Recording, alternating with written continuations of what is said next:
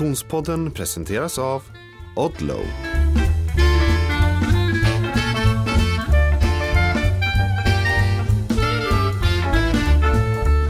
Hej och välkommen till Konditionspodden. Vi är framme vid avsnitt sju denna elfte säsong och jag som pratar heter Frida Zetterström. Hej Oskar Olsson. Hej Frida. Hur är läget? Vad fint det där. Ja. Gött. Good for Oktober. Det är oktober och jag är precis ute ur bokmässan Cirkusen. Mm. Cirkus. Ja, det är en cirkus. Ja. Det är en cirkus.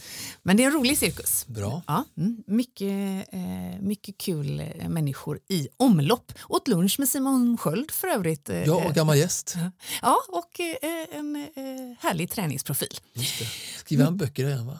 Eh, han skriver böcker, men framförallt så skriver hans fru väldigt det vet framgångsrika böcker. Jag tänkte just på honom nu om han hade Ja. skrivit en ny bok. Så Nej, därför han han var, var, där. faktiskt eller? inte där eh, som författare eller, utan var där nog mer som support till Camilla.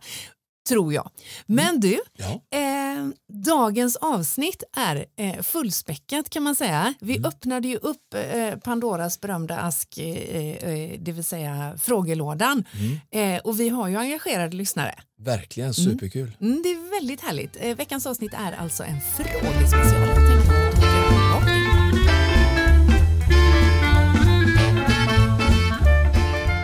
Innan vi tar tag i dagens eh, frågelåda så måste vi säga att vi är så himla glada att vi har med oss våran eh, trogna poddpartner Odlow eh, genom hela den här säsongen. Och nu börjar det bli läge att ta på sig du.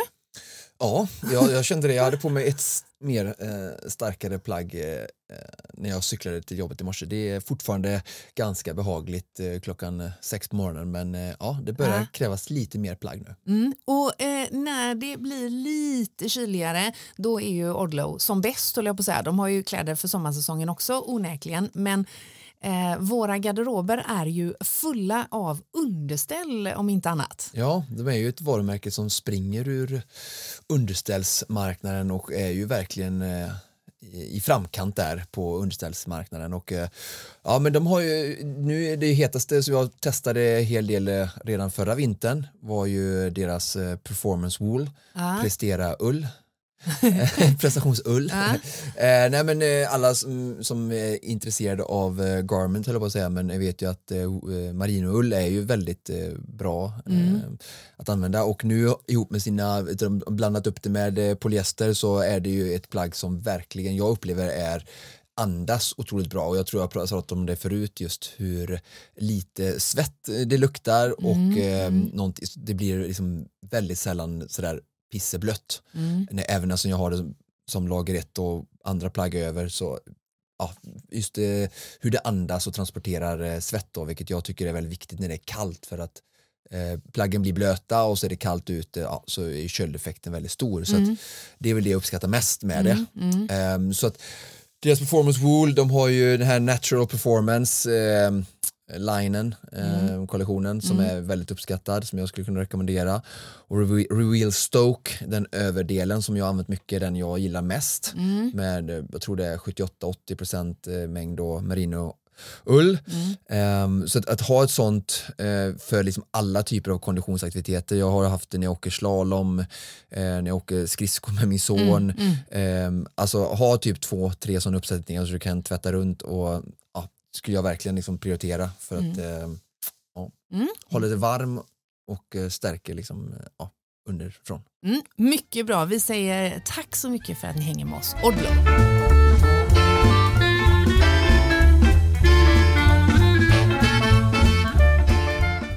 Men då dyker vi rakt ner i frågelådan. Eh, eh, och som det blir... när Hur är man- det, blundar du och så blundar runt? Ja, men precis. Jag har som en sån tombola här nu då. Nej, men jag har, eh, eh, jag har, helt enkelt printat. Eh, eh, Old school. Ja, old school. Jag gillar ju det. Vet du.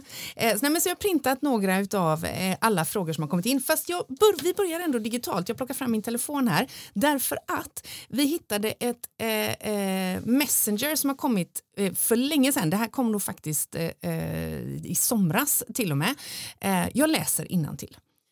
Hej kära Frida, Oskar, Niklas och övriga medarbetare. Bara där gillar man ju den här läsaren. Han har och fattat lyssnaren. att det är fler Ja. än bara du och jag bakom detta. Exakt så. Eh, tack för kunskap, glädje och inspiration. Jag har efter att inspirerats av er börjat simträna lite som komplement till löpningen som annars är min primära idrott just nu. Eh, och sen så beskriver personen i fråga eh, lite grann hur träningen ser ut. Eh, hur som helst, när jag simmar så går det helt okej. Jag simmar uteslutande crawl och det går inte så fort men jag känner mig lugn och trygg och andningen funkar fint vilket ju är första målet för mig just nu.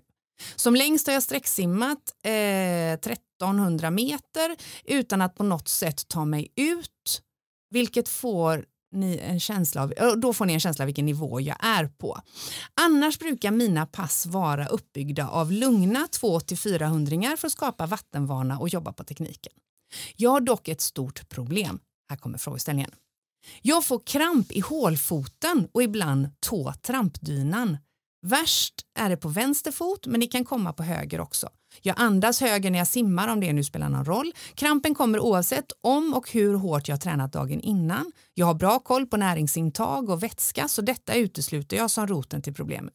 Krampen kan komma redan efter 700-800 meter eller först runt 1500 meter ibland om jag eh, har tur. Men krampen kommer så gott som varje gång. Vet ni om detta är något som är vanligt bland nybörjare? Eh, är det något jag kan göra för att motverka detta? Om ni inte vet, vet kompisen simcoachen då kanske? Får vi en fråga som vi skickar vidare i så fall. Snälla Bullen, jag menar Konditionspodden. Jag behöver hjälp då detta tar bort mycket av glädjen till min nyfunna kärlek eh, och simning. Och så lägger den här personen till. Jag får aldrig kramp när jag springer eller cyklar fast jag tar ut mig ordentligt vid exempelvis hårda intervaller och lopp. Om jag simmar sliten dagen efter hård träning kan jag få krampkänning i vad eller lår men det är ju fullt förståeligt. Detta med foten är någonting helt annat. Hoppas ni vill hjälpa mig. Mycket utförlig och eh, bra fråga måste jag säga. Eh, och eh, vi har faktiskt fått ytterligare en annan fråga som berör sig i samma eh, härör, eller vad heter det, i samma, eh, samma område. Hur löser en fenomenet kramp? Hur kan en förebygga under lopp? Finns det någon quick fix exempelvis? var en annan som skrev på Instagram. Ja, vad säger vi om kramp? Ja, men det är ett jättespännande område och du sa hålfoten va? Ja, alltså hålfoten eller trampdyna det, var det, det, på simmaren. Ja. Eh, Men det har forskats en hel del på kramp eh, och jag har ju själv haft kramp i mina dagar Mm. Ehm, och eh, jag känner faktiskt igen det där ska jag säga med hålfoten. Mm. Jag har själv fått i både vad men även i att jag liksom verkligen så här krampat och hela foten blivit spänd Mm. i, när jag har simmat Mm. och jag har aldrig haft den typen av kramp när jag eh, cyklar eller springer precis som, som han beskriver här. Ja. Eh, men om vi ska ta innan vi djupdyker just i simningen, men det går väl lite hand i hand, så just kramp, eh, vad, vad hade vi, du, hade, du, läst upp, har du läst upp en till fråga där om Mm. generellt just lösa det här med kramp. Alltså många har ju velat eh, härleda kramp till eh, salter och sånt där. Mm. Eh, där finns det faktiskt inte från den oberoende forskningen säger jag då för de som inte säljer den här typen av eh, Komplement. Ja, komplement, ja, precis. mm. Eh, inte så jättemycket som, som styrker det. Eh, att just, för ju- just salter och sådär har vi ofta som vi äter normalbaserad kost så, så, så skall det behovet liksom täckas även, då får vi prata liksom 10 timmar plus i extrema liksom varma förhållanden. Mm. För att det skulle bli ett fenomen Ja, som driver precis, krampen. precis, lite så. Mm. Ehm, men ehm, just eh, kramp eh, som den som jag tror är absolut vanligast, den är, eh, den är vet du, här, går att härleda till eh, icke-specifikt eh, förberedd i den naturliga, men alltså du tänker att du har en, en person, alltså som en sträckning nästan, alltså du har män som håller på med korpen innebandy eller gör saker, snabba grejer så kan de tycka att det hugger tag. Och det är också så här, vi måste också då så här definiera så här, vad är kramp, vad är det för upplevd, liksom, vad är det du får, men de kan ju få ja, någon typ av kramp eller liksom att det hugger tag när de gör någonting. Och då är ju det, det får ju inte min son. Alltså Nej. han, han kan ju gå från ingenstans till någonting och så bara göra någonting väldigt hastigt, ganska open. För att hans kropp och så som han rör sig hela tiden, han är liksom specifikt tränad för det han håller på med. Och vad är det han håller på med? Jo, han håller på med lek. Alltså en, en barns rörelse, naturliga, alltså det mest fantastiska, vackra egentligen vi kan se. Alltså att vi, hur de rör sig, hur de hoppar och, och det är väldigt eh, spontant och eh, liksom lustfyllt och, och sådär. och, och de gör bara det hela tiden och kroppen är förvirrad så de får ju inte de problemen. Men så ser vi då en vuxen man eller kvinna som, som är stillasittande eller som lever ett västerländskt liv och sen helt plötsligt eh, börjar att göra någonting eh, eh, ganska snabbt och som Mm. då inte är specifikt muskulaturen eller kroppen är inte specifikt förberedd tränad för det. Mm, mm. Ehm, och då, då infinner sig liksom kramp och att Mm. muskeln oftast är inte balanserad, inte, inte lång, den kanske är kort eh, för att vi inte har jobbat med rörlighet, för att vi har sitter stilla mycket, det kan vara höftböjare, det kan vara baksida lår. Alltså det finns ju olika ställen som jag skulle säga är lite mer ehm, vanliga än andra. Mm. Ehm, när vi springer mycket eh, eller står beroende på vad vi använder för skor och sådär eh, som personen här i det här fallet så kan vi få liksom eh, spända eh, mus muskelfascia under foten och sådär. Så jag har varit inne förut vet jag att pratat om just att ta hand om fötterna och fascian under som är underskattad med hjälp av en triggerpunktsboll. Och jag har sagt att sitt med den, alltså både när det gäller hälsporre och sådär, liksom att mjuka upp alla muskler som jobbar runt omkring eh, hälsenan och muskelfascian. Eh, det är ju områden som är så lätt att glömma bort och är absolut också ur en kunskapshänseende eh, inte lätt att känna till.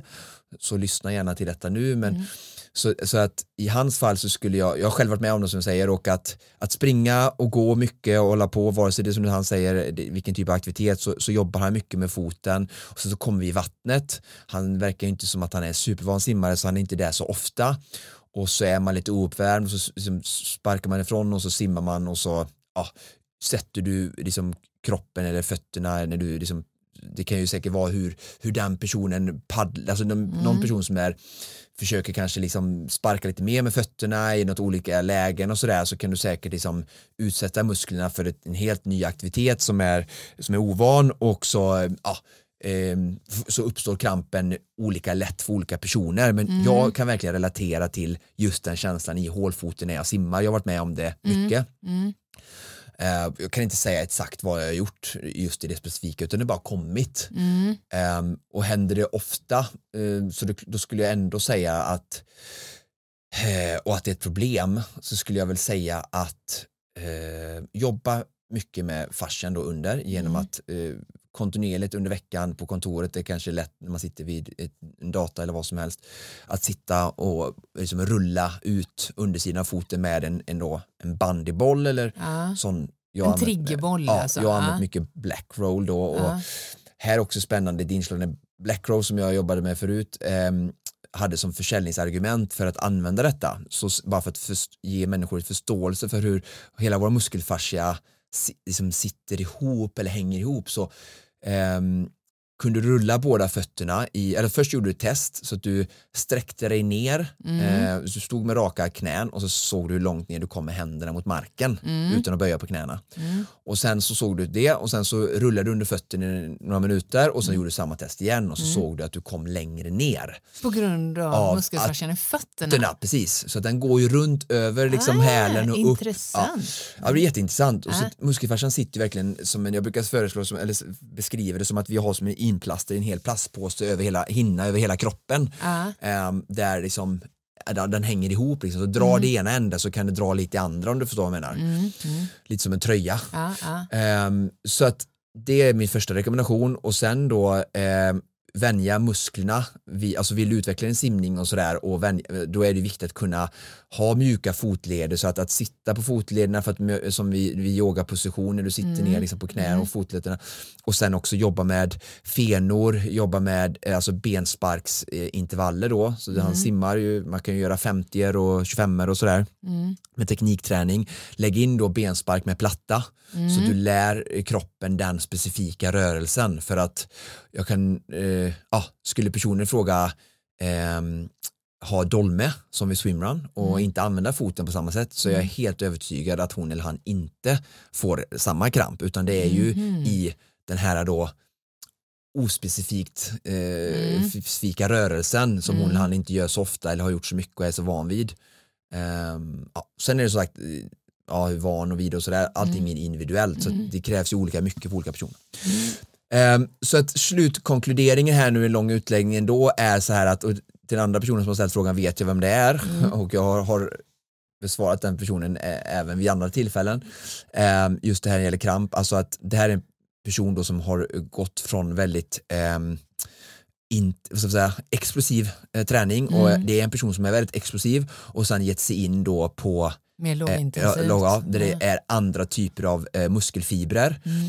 Och där finns också eh, mycket teser om liksom att när kroppen behöver rekrytera mer av eh, en, eh, en annan typ av muskelfibrer så kan det uppstå kramp. Så eh, har du mycket av typ 1 och så ska du hålla på med typ 2 fiber, alltså du går från ja, explosivt arbete till ett mer uthålligt arbete och det inte är kanske din styrka eller det du är van vid, Mm. så blir, då är du inte heller specifikt tränad för det Nej, och dina det. muskler är inte specifikt tränade för det. Ehm, och då kan du också lättare ehm, ja, utveckla kramp. Mm. Så att jag sa ju att jag fick någon typ av kramp när jag sprang Ultravasan. Mm. Alltså jag hade utsatt mina, jag hade alltså överpresterat, jag hade sprungit över min kapacitet Mm. och sen så fick jag kramp i musklerna för att de liksom var inte tränade för den intensiteten under så lång tid. Mm. Mm. Så det handlar egentligen om att du gör någonting lite Lite för tidigt. Ja, och lite hårdare än vad kroppen klarar av. mm, Och svaret blir ju då att bara fortsätta mm, att vara mer specifik mm, i de, ehm, ehm, i de eh, under de kraven som du ställer på kroppen. mm. Är det så här, men jag ska springa en, en mara eller en halvmara i 4.30 fart ehm, på den här tiden, eller den här 4.30 sa jag ju. Mm. Ehm, då är det ju det du behöver träna kroppen genom att göra de intervallerna, Mm. öka tiden, durationen på intervallerna Mm. i den farterna, bara mer och mer hela tiden progressivt så att du mer Mm. och mer vänjer kroppen vid den specifika Mm. eh, kravet som du ställer på kroppen. Då. Mm. Så att ehm, Så, så den sista slutklämmen på den frågan, finns någon quick fix? Då är svaret nej. nej, precis, men man skulle kunna se det som en quick fix att vad fasen imorgon eller idag så ska jag börja vara mer specifik i min träning, då är, kan det ju gå fort. Inte säker på att det var Men inte, inte, så, inte så som quick fix som att ta ett kosttillskott eller ta ett Nej, piller och så nej. tänka att nu är allting bra eller göra som vissa gör, de kör Vasaloppet med genom att ta liksom Alvedon och andra grejer liksom, för att Ja. de har någon skavank. Liksom. Ja, Sån just det. quick fix finns det inte. Det finns det icke, helt enkelt. Bra, då, då tänker vi att... Eh, eh, Och jag ska bara avsluta det också, Ja. att, eh, jag ska också vilja säga specifik och sen även följsam. mhm, Alltså jag, som jag sa innan där att de som går fort från någonting och börjar med någonting och jämförde med min son och barnet. mm, mm. Alltså vi behöver, alltså en, en, en, en specifik skulle jag också säga så här, det är en funktionell muskel, alltså den blir funktionell om den får göra en rörelse upprepade gånger eller ett, visst arbete upprepade gånger, då blir du bättre på, tränar du mycket sweet spot träning i tröskel, alltså i cykel eller uthållighetsidrott så blir du duktig på det. Mm. Och då är ju muskeln följsam under den givna belastningen. Samma sak gäller det att när vi gör saker, vi tränar eller vi sitter, vi jobbar, vi gör saker som gör att musklerna blir mindre funktionella, alltså tajta och spända, Mm. så behöver vi jobba med rörlighet. Och, ja, I återhämtningsavsnitt och annat som vi har pratat tidigare i podden så har jag varit inne på det här förut, så lite repetition där att, och jag vet hur svårt det är och hur människor har svårt att ta sig tiden att göra det. Så att det, det är liksom en annan stark rekommendation att jobba med följsamma muskler genom rörlighet och yoga Mm. eh, för att minska risken för kramp. Bra där. Gå till massörer. Gå till massör. Oh.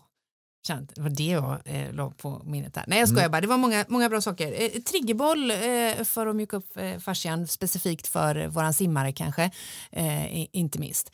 Bra där, då har vi eh, eh, gått igenom lite kramp. En eh, eh, kort och koncis fråga sticker vi in emellan med.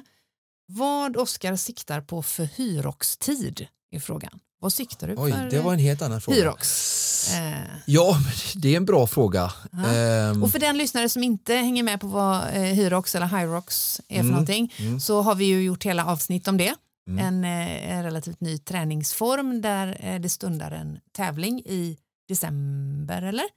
Älvsjömässan i Stockholm. Just det. Vad siktar du på för tid då?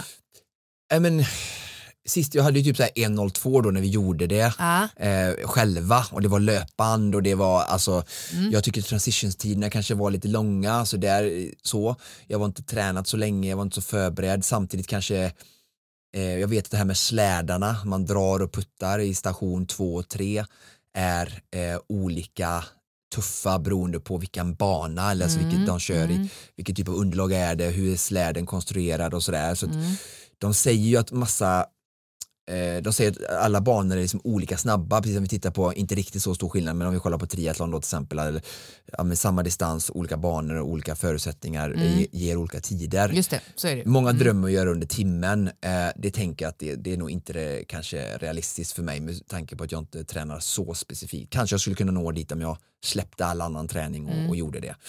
Mm. Men eh, ah, jag, jag, jag, drar till med, med 62-63 minuter eh, mm. skulle jag vara nöjd med på eh, en, en riktig hyrostävling tror jag. Mm. Eh, ja, och sen så, jag försökte ringa min vän här nu då, James som är expert mm. och det pratas om någon typ av major i Stockholm Aha. och att man ska kvala in dit och sådär och jag vill gärna tävla i högsta klassen och sådär så jag håller på nu och, och luska lite i detta. vad behöver göra. vad behöver göra ja. så. Eh, men ja, to be continue och eh, ja, häng med här och eh, på, på Instagram så ska jag försöka vara öppen och transparent med hur träningen och ja, förberedelserna inför nästa Hyrox går. Ja, kul! Tack för frågan. Eh, tack för frågan, verkligen. Eh, vi har flera frågor som rör sig kring eh, eh kost. Ehm, men jag tänker att Trots vi... efter förra veckans avsnitt. Ja, jag tycker det är nog både en uppföljning på det eh, mm. och också kanske innan. Mm. Eh, men vi, får en, en, vi tar en annan fråga här emellan. Vilken styrka ska man köra för att inte bli spinkig av att bara köra kondition? Eh, har små barn ont om tid? Och då börjar jag med att säga, har du sett Oskar? så, så vet du, spinkig behöver man inte bli bara för att man eh, kör kondition. Men eh, eh relevant frågeställning ändå. Um, och så är det lilla tillägget då, har små barn ont om tid. Mm. Min första, så här, jag har försökt länge, uh, jag är ju en konditionsdriven människa. Ja. Uh, som gärna, som, uh, jag har ju kanske har lite högre ambitioner än vissa andra och försöker bli så snabb som möjligt. Så att jag säger så här, men spinka är ju bra. Om du, eh, om du eh, håller på med konditionsidrott. Och ehm, spinkig är ju inte detsamma som att inte vara stark. Eh, relativt sett då. Mm. Alltså man kan, om vi säger, jag brukar säga Mustafa Mohammed är ju väldigt spinkig tror jag mm, många skulle exakt. uppleva. Absolut. Men han är ändå väldigt stark relativt sin vikt skulle jag säga i att han jobbar med ja, marklyft och knäböj och, och ja, han är mm, stark mm, idrottare mm. och tränar den styrkan som gör han tillräckligt stark för att kunna svara upp till det kravet han ställer på sin kropp när han ställer sig på startlinjen för att springa fort, mm, mm, vilket är hans huvudsiktiga mål. Så att Eh, och därför menar jag så att du kan vara spinkig relativt och stark relativt din kroppsvikt. Mm. Så återigen blir det här, vad är, vad är, vad är målet eh, och hur vill du vara? Vill du vara allsidig? Eh, visst, då, då jobba mycket med styrketräning för att du ska bli, liksom bygga muskelmassa, Um, och samtidigt som du håller på med konditionsidrott så att du håller dig liksom all around fit mm, då om man mm, säger så. Mm. Då klart då får, du, då får du vara lite större och, mm. och jag har ju som sagt försökt bli spin, sp, spinkig och här kommer en annan aspekt in, alltså att det, vi människor ibland felet vi gör överlag i samhället kan jag uppleva att vi jämför oss så himla mycket med vår omgivning och det kan vara karriär och hus och bil och mm, vet allt mm. men även träning då mm. så glömmer vi bort den här lilla lilla lilla lilla eh, du, detaljen mm. att vi mm. alla är olika. Mm. Olika i den aspekten att vi tycker om olika typer av bilar och vi är födda och skapta med olika typer av kroppar mm. med olika stor benstomme, olika, alltså mer muskelmassa, mm. bla bla bla. Så vissa föds ju långa och vissa föds korta. Mm. Det har vi någonstans ganska enkelt tycker jag ibland att acceptera att ja, men, jag är 80, du är 1,70. Ja, big deal, det är inte så konstigt. Men sen då liksom när vi ska tävla samma tävling eller vi ska försöka träna mot gemensamt mål så bara men kolla vad, vad rippad eller vad, vad lätt han är i kroppen, vilket, alltså vilka var och så, så bara svälter vi oss. Uh. Istället för att acceptera vår genetiska kroppsbyggnad uh. så försöker vi bli eh, där. Och det är ett väldigt bra eh, exempel faktiskt från elitidrott som vi kan ta som det jag tycker många motionärer ska kunna lära sig av. Det är Christian Blumenfeld som är eh, regerande olympiamästare på eh, triathlon. Mm. Han eh, kommer från det norska, vet du, vet du, ja, jättespännande vet du, performanceutvecklingen och eh, har hållit på sedan 2010-2011 och vann nu då OS 2021 Tokyo som blev lite försenat på grund av pandemin. Han är ju liksom överlägset till sin längd den absolut största, tyngsta av allihopa och går emot allting det som vi trodde var naturens lag kring vad som är potentiellt möjligt att springa med, med den typen av vikt i förhållande till längd. Mm. I vanliga fall brukar de ju vara 10-15 kilo under sin längd så är du 1,70 så väger du max 55-57 mm, mm, kilo. Mm, mm, han är ju en och, kortare än mig, han är 1,74, 1,75 och väger 76 säkert under race weight. Liksom. Så otroligt tung i, mm, i den mm. bemärkelsen. Eh, men visar någonstans att eh, han har liksom lagt större fokus på att bibehålla vikten, inte pressa ner vikten till någonting som kanske bara ändå skapar att återhämtningen, immunförsvar blir nedsatt mm. och så ett högre syreupptag. Så han har ett mycket högre, högre syreupptag än sina konkurrenter, eh, vilket han behöver för att kunna driva den liksom, kroppsmassan runt på samma fart från, som eh, ja, mm. Alex G, då, en mm. engelsman som ja, lika lång men väger 10 kilo minst mindre mm. Mm. än Christian. Så att, eh, här har vi mycket liksom att fokusera på verkligen, alltså, eller så acceptera och veta om vad är min liksom, genetiska eh, vikt och vad, vad någonstans mår jag bra av. Och mm kan, han har ju fortfarande inte mycket eh, eh kroppsfettprocent. För alltså all, alltså för mycket fettmassa är ju såklart inte bra. Men visst kan ibland uppleva att stirra still, still, stint på vågen. Mm. Det har jag själv gjort liksom, genom åren så jag vet allt om det där. Liksom. Så lång utläggning men ändå viktiga saker tror jag att ta i hänseende. Liksom att, vad, vad är det jag ställer för krav på min kropp? Eh, vad är ens spinkig? Och mm. har du höga mål inom i konditionsidrott så kan du vara spinkig och jag skulle ändå säga att, så här att sett till vad jag presterar rent styrkemässigt så är jag också ganska spinkig. Mm. Kollar vi på konditionshänseenden så är jag krallig och ganska mm. muskulärt och folk tycker så här men du ser ut som en brottare. Mm. Ja det gör jag. Men, men jag kan, om man kollar ändå sen och jämför med folk som inte är på någon elitnivå men som är på men som är starka inom crossfit eller som är starka bara håller på med, med styrka mm. så står jag mig ganska bra hur, eh, hur mycket jag lyfter i relation till min kroppsvikt mm. så är jag ganska stark. Så förstår du vad jag menar? Du ja, kan vara, och, och då menar så här, för mig, för mig kommer det aldrig vara viktigt att jag kan gärna vara spinkig mm. så länge jag är stark relativt min kroppsvikt. Mm. För mm. att en stark kropp kommer vara mindre benägen att gå sönder. Mm. Jo men det förstår jag och det, jag, jag, jag dristar mig till att tro att vår frågeställare kanske också eh, eh, om, om personen i fråga är in, intresserad kanske har den kunskapen men om, om, om personen i fråga ändå vill gå ut på kanten lite grann och, och, och ställa frågan, nu vet jag inte om det är så, nej. men ur ett liksom... Det är kul att se hur du tolkar det. Mm. Ja, nej, men om, om man tänker att det skulle vara ställt som ur ett utseendeperspektiv, ja. alltså att det här är en konditionsatlet ja. eh, som har bra koll på, på liksom vad, som skulle, eh, vad, vad som gynnar personen i fråga ur, ur ett konditionsperspektiv mm. men som skulle vilja ur ett e, estetiskt eh, perspektiv, alltså bygga lite mer muskler mm. för att muskulärt inte bli för spinkig som mm. personen i fråga uttrycker. Skulle du då kunna rekommendera en muskelgrupp som är enkel att, att bygga, alltså som kräver lite, är det så här, det är lättast att bygga upp biceps eller det är lättast att... Du menar estetiskt eh, hänseende? Ja, precis. Eller om, estetiskt? estetiskt. Jag, jag, jag, jag, tolkade det lite så för att jag tänker att det är klart att eh, om personen Alla frågar vill... Alla ut naken? Ja, eh, som Colting hade sagt. Men, mm. men, men jag, jag, tänker att eh, om personen i fråga vill bli starkare, eh, då är det ju ganska idrottsspecifikt kanske om man vill bli starkare för i överkropp för längdåkning eller mm. vad det nu må vara. Men om det kanske bara handlar om jag vill inte vara så spinkig, jag skulle mm. vilja bygga lite muskler också men jag har mm. inte så mycket tid, vad ska mm. jag satsa på? Mm.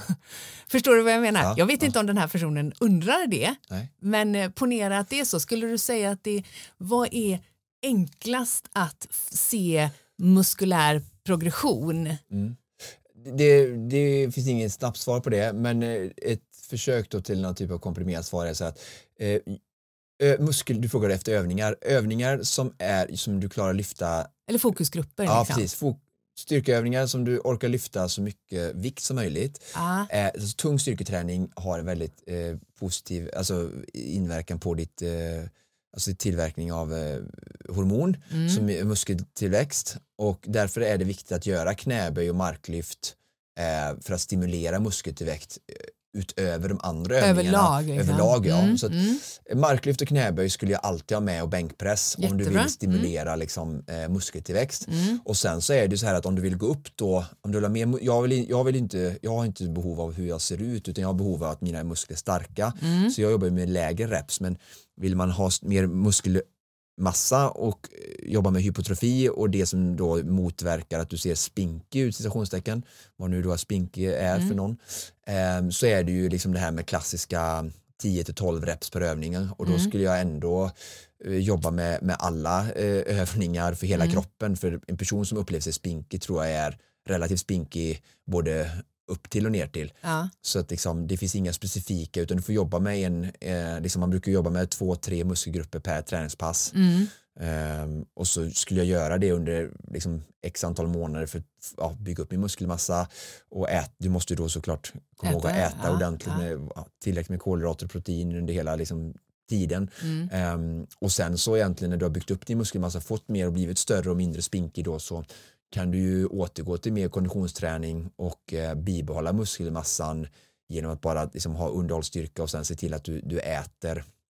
För så fort du börjar äta lite mindre, du är i negativ energibalans och du tränar mycket kondition så kommer du ju tappa muskelmassa. Alltså, Just det. Mm. det har jag ju gjort och det, men det har ju varit ett mål för mig också. Liksom, att Jag har Mm. aldrig varit rädd för att bli spinkig eftersom jag vill vara snabb om man säger så. Mm. Eh, sen är jag ju bara liksom, ja, lite större då muskulärt bara för att jag är skapt sån. Liksom. Men jag har Mm. absolut tappat muskelmassa genom åren eh, frivilligt för att jag ja, vill vara lättare i kroppen och jag behöver inte så mycket muskler i konditionsidrott. Mm. Men är man så spinkig genetiskt och känner bara att jag vill bli starkare så lägg in ett block ordentligt under off-season när du inte har så mycket konditionstävlingar och försök verkligen att lyfta dig själv genom att ja, äta mycket och träna mer styrketräning och då tung styrketräning och sen mycket liksom 12 reps liksom, Mm. som triggar då liksom muskeltyp. Spännande. Eh, tack så mycket säger vi för eh, frågan. Mm. Eh, och så går vi raskt vidare. Eh, vi dyker ner en eh, kortis i eh, ehm, kost och nutrition och vi håller oss kvar på ökad muskeltillväxt. Eh, jag undrar om ni skulle kunna prata om kosttillskott som hjälper vid återhämtning. Vad jag har läst mig till så ska kreatin ha den effekten men primärt så används ju kreatin för att öka muskeltillväxt och man pratar inte så mycket om användningen av kreatin annat än vid styrketräning. Undrar om ni skulle kunna spåna lite kring det. Ehm, alltså kosttillskott som hjälper vid återhämtning. Mm. Ja men det är ju sant där. Eh, en liten passus där, är en liten sidogrej är bara att det är ju kosttillskott pratas mycket om Mm. och eh, från IK så gjordes en ganska känd konsensus och samlingsstudie för no- ja, fyra, fem år sedan där man konstaterar att det finns egentligen bara fem stycken eh, kosttillskott som har prestationshöjande inverkan. Mm. Men det gäller ju att ha ju fokus på prestation. Men i den studien så vet jag bland annat att man pratade om kreatin eh, som har, förutom då det som har varit mest eh, positivt, ju att eh, ja, det hjälper fosfat eh, att lagras i cellen och att vi kan liksom eh, prestera lite bättre när det gäller kommer just styrketräning. Så kreatin i, form av styrketräning, vid styrketräning eh, tycker jag, eh, ja, det, finns ingenting att säga om utan där finns forskning att det hjälper. Men man såg även då att det vid intag direkt efter träning ökar inlagring av eh, glykogenlagren, så Mm. kolhydratlagringen, Mm. vilket gör att du då såklart, en ökad inlagring av, av glykogen eh, blir en ökad återhämtning. Så att det är korrekt att det finns eh, eh, studier som visar det. Mm. Sen är det också det här med tillskott då. Alltså, Mm. De flesta anti, Sveriges antidoping pratar mycket om liksom att man ska bara använda kosttillskott vid liksom medicinska liksom, eh, tillfällen och ja, prescriptions och för att det finns risk att det finns liksom, ja, spår eller andra saker. Som, men det är ju lite drottande, det är inget som Mm. motionärerna åker inte fast för dopning. Men som kreatin finns ju i kött och animalier och sådär så att min, min rekommendation kommer alltid vara att, ehm, att du ska äta i första hand. För det blir ju så här också då att ja, men nu äter jag kreatin, behöver, då kanske blir det liksom ändå en så här typ av genväg eller quick fix som vi pratar Mm. om. Liksom att, för allt det här med kosttillskott, det, man kan vara, det som forskningen är överens om, det är att det handlar om få procent. Just det. Och de säger ofta att det är den största skillnaden som du kan göra. Det är ä, ä, din koststil, Hållning, kosthållning Ja. Eh, din återhämtning och din sömn. Där, där finns det mycket mer eh, Att hämta, att liksom. hämta Ja, mm. innan du börjar fokusera på de här sista procenterna som vi då kreatintillskott och andra Mm, kosttillskott och som ja, koffein, beta-alanin, aminosyra, aminosyra som är populärt och vet du, nitrat eller den här som var ja, Mm. mycket i håget. Så jag vill ändå skicka tillbaka till det, det är tråkigt och det är ett tidskrävande svar eh, eller resultat för lyssnaren att jag behöver liksom fokusera på att äta allsidigt. Jag ska äta fisk varje vecka, jag ska äta kött varje vecka. Mm. Ordentligt bra kött och såklart som är gärna närodlat och som är näringsrikt och inte liksom halvfabrikat eller sådär såklart och sen gärna vegetariska eh, alternativ också. Och, Mm. ja, äta allsidigt hela veckan och, och äta ordentligt och äta mycket, gärna två lagade mål om dagen. Eh, det är liksom nummer ett Mm. och där du kan hitta mest. Mm. Men svaret är fortfarande att det finns vetenskapliga st- bevis och stöd som säger att kreatin hjälper vid eh, som inlagringen vid återhämtning eh, ja, Mm. av glykogen. Då. Så att eh, absolut, de har, de har, den har dubbel effekt kreatin. Mm. Mm. Ehm, Mm. Ja, men bra. Eh, vi håller oss kvar i kosten en liten stund till, tänker jag. Ehm, hej på er. En fråga. Bör man ladda med olika källor av energi inför olika typer av träningspass? På lågintensiva pass ska ju kroppen använda mer fett som bränsle så bör jag även ladda med mer fettrik kost redan dagen före om kroppen ska vara förberedd för uppgiften och vice versa inför tröskel och högintensiva pass då den stora energikällan är kolhydrater. Eh, eller är det mer vad jag intar under själva aktiviteten som faktiskt spelar roll? En fundering som jag har haft ett tag nu och nu får en tillfälle att luftas. Ha det fint. Ja, bra fråga. Ja. Spännande. Och Det har jag varit inne lite på det här förut ju, med periodisera kolhydraterna. Mm, exakt. Det här är en väldigt spännande debatt och någonting jag kunde hålla på och prata om väldigt länge. Eh, det som när vi pratar om kost och framförallt kost i träning så tycker jag ofta så här att vi vi tittar på studier som är gjorda på så här 10-12 gram kolhydrater per kilo kroppsvikt och så har man mycket så här från skid, jag hade själv det i skolan, liksom man tittade på studier som är gjorda på elitidrottare eller på folk som tränar väldigt mycket och sådär och så kopplar man över det eh, till vanliga gemene man där det är extremt mycket stillasittande och så här, men du tränar jättemycket. Jag tränar eh, 6-7 dagar i veckan, jag går aldrig ner i vikt och jag, äter det här och tycker jag håller på med detta, fast vad gör du de andra timmarna? Men jag sitter typ stilla jämt och jag känner bara det själv att har jag en vecka där jag är väldigt stillasittande och åker bil till och från jobbet och, alltså mina energikrav eh, går ner jättemycket, jag behöver inte alls lika hungrig och jag, även när jag tränar en eller två gånger om dagen så är den övriga tiden väldigt stillasittande. Och som jämför med elitidrottare eller andra människor som har väldigt aktivt arbete eller väldigt aktiva överhuvudtaget i sitt liv så, så blir det väldigt stor skillnad. Men återigen så vill vi ändå liksom samla alla under samma, alltså vi, vi gör studier, det gör forskning och så ska ska alla liksom typ mer eller mindre, finns en sanning. Eh, och här tycker jag det är lite farligt att vi måste få se att det finns flera sanningar och vi har allihopa typer av, li- liven ser, liksom, ser olika ut.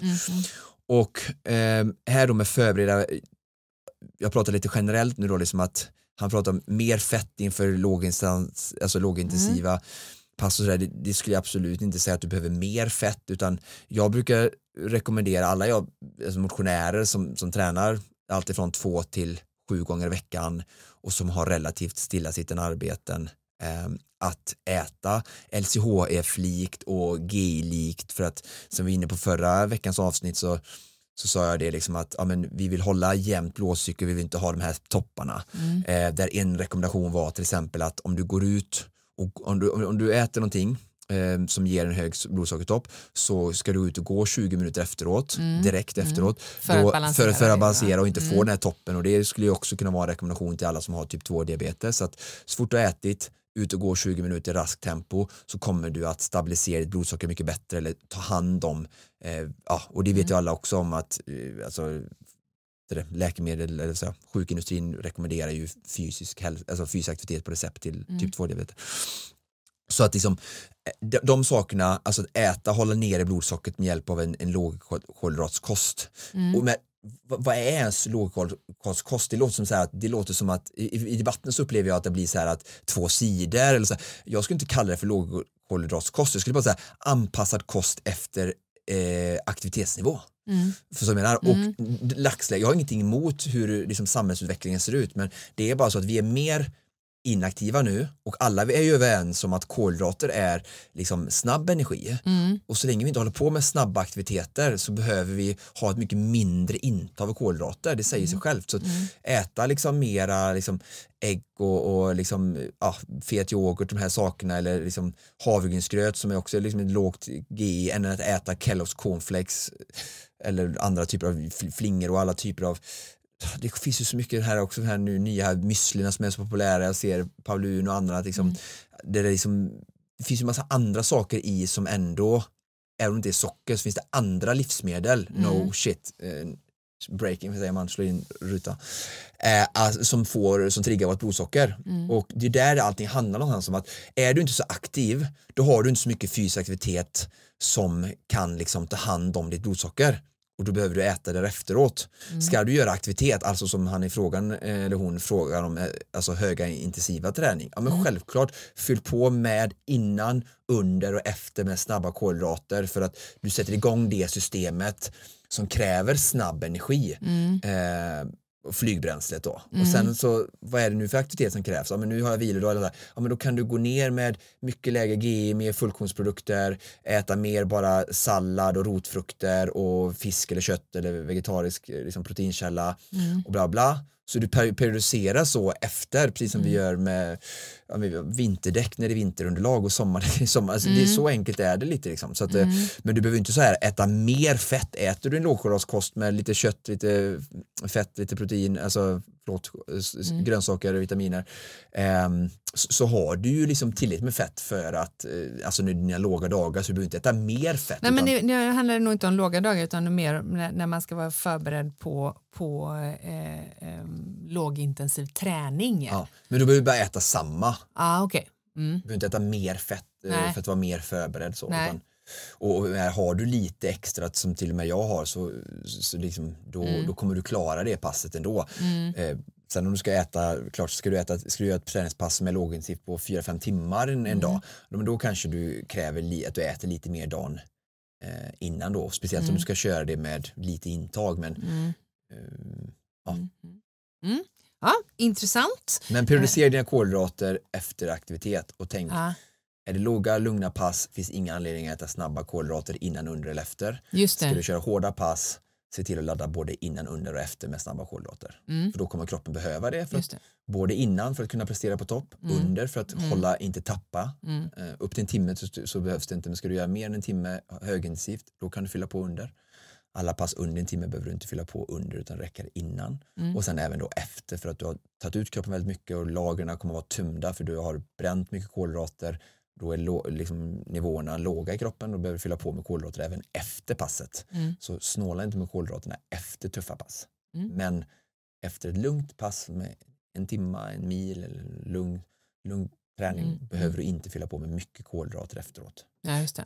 Och då vissa behöver det såklart. Om det är en, en William Porma som är med i Ah, landslaget och kör lugnt pass. Självklart måste han fylla på med, Ah. för han har ju en jättehög träningsdos och hans problem är ju att få i sig en mängd kolhydrater under en hel vecka för att han tränar som ett svin. Men vi får aldrig jämföras med den här typen av liksom Nej. människor eller aktiviteter för så ser inte vårt liv ut. Bra där. Mm. Mycket bra. Vi går raskt vidare eftersom klockan tickar. Ehm, här skriver en person, ska genomföra Vasaloppstrippen nästa år. Vilka är dina bästa tips? Oj, vad roligt får jag säga först. Ah, Vad kul med en till som satsar på 2024s trippel. ah, Ehm, ja, vad är mina bästa tips? Fokusera nu på skidorna. just det, Eh, där vi befinner oss nu. ja. Ah, Ehm, för det kommer snart. Det är bara 140 dagar eller någonting kvar. Ehm, det kommer fortare än man tror. Så ehm, fokusera på Vasaloppet nu. Mm. Ehm, men jag skulle ändå så här, bi, det jag inte gjorde förra året, jag, jag bibehöll varken cykel eller löpning någonting. Så jag började verkligen på noll efter Vasaloppet. Så jag skulle ändå så här försöka få in ett löppass och ett cykelpass i veckan för att Mm. underhålla dem så det inte blir en sån chockstart när du väl har tagit kanske två, tre veckors vila efter Vasaloppet och börjat träna för eh, aktiviteterna Löpning, cykel och löpvasan i, i augusti. Mm. Och sen så är det så att du ska hantera eh, tre eh, sporter, du tr- kommer krävas en hel del träning. Nu vet jag ingenting om ambitionsnivån hos, hos den som frågar. Eh, men styrketräning som vi ska prata om snart och fått mycket frågor om och sådär Mm. eh, tycker jag är viktig när du ska jobba med flera idrotter. Att du behöver en stark kropp som, som verkligen håller sig hel och frisk och liksom, ja. Så att eh, styrketräning är är också nu under grundperioden när nu ja, ändå ganska långt kvar till Mm. Och styrketräning nu kommer ju hjälpa både din skidåkning och din löpning och cykel. Liksom. Så att, eh, styrketräning och sen fokus på Vasaloppet nu ordentligt så du får en, liksom, en bra upplevelse där. Mm. Och det går ganska ändå liksom relativt enkelt att du behöver inte, behöver inte staka någonting efter mars. Eh, du kan ju bara då fokusera på löpning och cykel. Mm.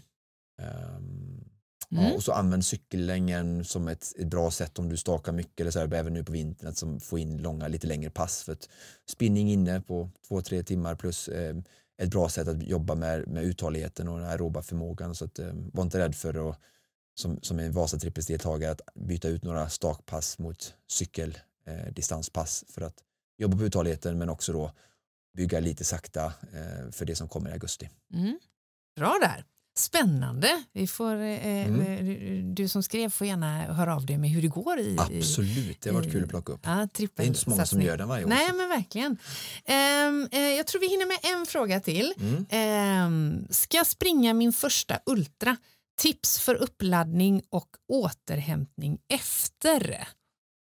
Det är väldigt specifikt då. Jag, du, nu menar hon eller han då eh, viktigt med återhämtning efter ultran då. Alltså, Mm, mm, jag tänker så här, mm. när man gjort en ultra, eller jag tänker, jag har pratat för mig själv, att när jag gör en ultra så tänker jag inte så mycket på återhämtning Nej. utan då tänker jag bara nu ska jag vila i två, tre veckor och Ja. mörla och, och Ja. göra saker som jag har kanske hållit mig undan, för försakat. Ja, Ja, precis. Ehm, men eh, ät kreatin eller. Ja. för att öka på glykogen. Nej, men det är ju en del. Men, men eh, vad, vad ska vi börja med uppladdningen Ja, då? men det tycker jag absolut. veckan ska, inför, ja, men, eller? Jag ska springa min första ultra. Tips för Mm. uppladdning och återhämtning. Då, vi får ju förutsätta att personen i fråga har gjort sin träning för Ja, rent ja, liksom, ja, ja. Eh, eh, konditions och muskulärsmässigt. Nej, men, eh, bra, jag, jag hoppas, om- om hoppas vi- att jag har lite tid på oss. Alltså Ja. att vi vet inte om det är nästa vecka eller inte. Nej. Men, Och så kan vi tänka att vi skiljer det på att det är ett ultra. Personen i fråga har säkert sprungit eh, kanske både halvmaror och maratons innan och är liksom van att och tävla. ultra för er som lyssnar är, är ju definitionen allting som är över, Över maraton. Ja, precis. Ja, men, eh, för det första, eh, kul eh, att du antagit utmaningen och gör din Mm. första Ultra. Grattis till det. Hoppas resan fram tills nu har gått bra. Att du är taggad, det är viktigast. Att vilken attityd vi kommer in i sådana här lopp. Mm. Så att det tror jag är viktigt. Sen då eh, tror jag också så här uppladdning inför, som har varit viktigt för mig inför eh, ultralopp, det är verkligen att testa nutritionsplanen. För att Mm. ultra handlar inte om som en millisekund där i stavhopp där liksom Armand Duplantis ska liksom göra exakt rätt i sekunden utan det är hur vi kan hantera och få kroppen att må så bra under en lång tid där vi har en relativt låg intensitet hela tiden men där liksom energisystemen är verkligen Mm, viktiga då, då är det liksom hur vi fyller på och hur vi pacear oss eh, som, som styr kraven och, och liksom hur vi har en så hög och jämn fart från A till B som möjligt. Ehm, så att verkligen testa en nutritionsplan där du ja, försöker simulera tävlingen eh, som skulle kunna se ut att ja, men, jag ska springa ett långpass nu, min sista långpass eh, lördag eller söndag. Eh, så redan torsdag så börjar du liksom ladda med lite kolhydrater, dra ner på träningen, ladda för det passet. Ehm, räkna på hur många kolhydrater du behöver ungefär. Ehm, och sen um, beroende på din kroppsvikt och sådär. Och sen eh, genomför du passet, äter samma frukost som du har tänkt göra på loppet, ser att det funkar, din mage, inte så mycket fibrer är ju tipset utan att det ska vara mycket, ganska mycket rena kolhydrater, snabba kolhydrater på frukosten. Mm. Eh, jag äter till exempel rostat bröd, gärna och så vitt då till exempel. Mm. Eh, men saker som du är van vid och som du vet att det funkar såklart eh, är nummer ett. Men mindre fibrer är bättre än mer fibrer i alla fall. Mm. Just dagen innan eller morgonen ska tävla. Så kör du ett lopp och det är såklart inte hela ultra. Du kanske springer två, tre timmar beroende på hur lång ultralopp eh, du ska göra. Ehm, och så från liksom 15 minuter så bara direkt börjar du eh, fylla på med, med kolhydrater i ja, gel och sportdryck förutsätter jag att personen ska använda. Och så bara följer du den planen och, och ser hur det funkar och verkligen tränar. Och det är klart, beroende på hur långt du har kvar så det här är någonting som du vill göra eh, några, några, Några stycken sådana här långpass ja, eh, mm. för att verkligen både träna mage för att jag kan säga 99% skulle jag säga eh, tar i sig liksom en eller två gel under ett långpass eller lite sportdryck, långt ifrån så mycket som de verkligen behöver göra under tävlingsdagen. Så att oftast är inte magen tränad för det höga intaget. Så det Men går då, att då får man helt enkelt träna på näringsintaget fastän kroppen inte utsätts för, För lika hög- hög. hög intensitet, Nej, ja. Och då kan man ju dra ner det lite. Ja, men det är ändå viktigt kanske- att utmana Precis. det då lite mer. Absolut, så ja. säg så här, ja, men 80 gram per kolhydrater, 90 brukar man prata om, eh, upp till, ja, mellan 80 och 100 för en, en, en normal stor man och sen en kvinna då kanske 60 till 80 gram i Mm. timmen eh, under tävling och säg att du drar ner det då 10-15 procent Mm. under träning för att ändå kompensera för att du har ju en lägre intensitet än när du tävlar Mm. så lovar ändå att det intaget kommer att vara högre för den personen än det brukar vara en vanlig träningsrunda. Det. Mm. Och det är det man ska träna det man på. ska då träna på, Ja. ja. Mm. Och sen då testa utrustning, eh, Ja. vad du tänker springa i, vad får du skav av, sockar, eh, trosor, kalsonger, sport-bh. Eh, en annan sak som också är, så här, kolla din klocka. Eh. Av egen erfarenhet. av egen erfarenhet att eh, den funkar med ställ in rätt displayer, vad det är för Ja. typ av information du vill ha. Olika, man kan ju nu göra olika liksom, eh, urtavlor Mm. eh, som du kan skifta mellan under aktiviteten. Så vad vill du ha? Snitthastighet, snittfart, snittpuls. Mm. Vill du göra olika varvtider? Kanske du har satt upp mål att vid den här punkten skulle ha detta. Men testa det lite och förbered dig för att ja, träningsklockan på armen är en väldigt bra hjälp. Eh, det går också att ställa in Mm. tror jag, påminnelser om, om, om att liksom, fylla på med vätska och sådana saker. Så att, utnytt de uh, om du har och, och testa all sån typ av utrustning inklusive kläder och sånt, eh, skor. eh, så att du känner att du är varm och be, behag med det. Eh, gör en packlista Mm. eh, dagarna innan. Ju mindre stress du kan ha på tävlingsdagen ju bättre är det. Eh, så gör en packlista med alla saker du behöver ha så att du har gjort mycket av det här planeringsarbetet innan och inte gör det dagen innan din tävling utan du verkligen liksom ja, en packlista, vet vad allting ska ha så det går mer på, på rutin när du väl då ska sluta jobbet inför helgens lopp och du ska packa och fixa och att allt sånt är planerat. Mm. Um, ja, Mm. det finns säkert mer men det var ju Ja, men lite- det är ändå, det- och jag tänker att vi har flera avsnitt man skulle kunna gå tillbaka Ja, och lyssna ja, på ja. i, i, i, på temat. Helt klart. absolut. Ja, ja du kära Oskar Olsson, jag tror faktiskt att det är eh, allt vi, vi hann med. Men eh, och det, det kan hända att det har kommit in fler frågor som vi inte har eh, eh, hunnit lyfta. Vi lägger dem i en specifik byrålåda där vi eh, återgår till det så småningom. Men eh, eh, vad kul! Mm. Ja, mycket bra. Vilka härliga lyssnare vi har. Det är ju ingen, eh, ingen förvåning, det visste vi ju. Tack för att ni frågar. Ja, tack för att ni frågar, tack för att ni hör av er. Och om du som lyssnar känner att ja, men det här avsnittet, det borde min kompis, kollega, eh, mamma eller eh, farbror lyssna på. Då tycker vi såklart väldigt mycket om när du delar med dig av Konditionspodden. Kanske i dina egna sociala medier och kanaler eller eh, genom att eh, prenumerera på våran poddkanal. Eh, ja, vad ska du göra i eftermiddag, Oskar? Träna. Träna, klart. Good for you. You. Ja, Du ska åka tåg. jag ska åka tåg, precis. Allt är som vanligt. Jag åkte till Stockholm. ja, det är bra. Det, är, eh, det ligger dock träningskläder i min eh, stora tunga väska. Så får vi Bra. se om de eh, utnyttjas eller ej. Eh, men detta, kära Konditionspodden-lyssnare, var allt vi hade att bjuda på för den här veckan. Precis som vanligt produceras Konditionspodden av Fredag. Connect Brands with People.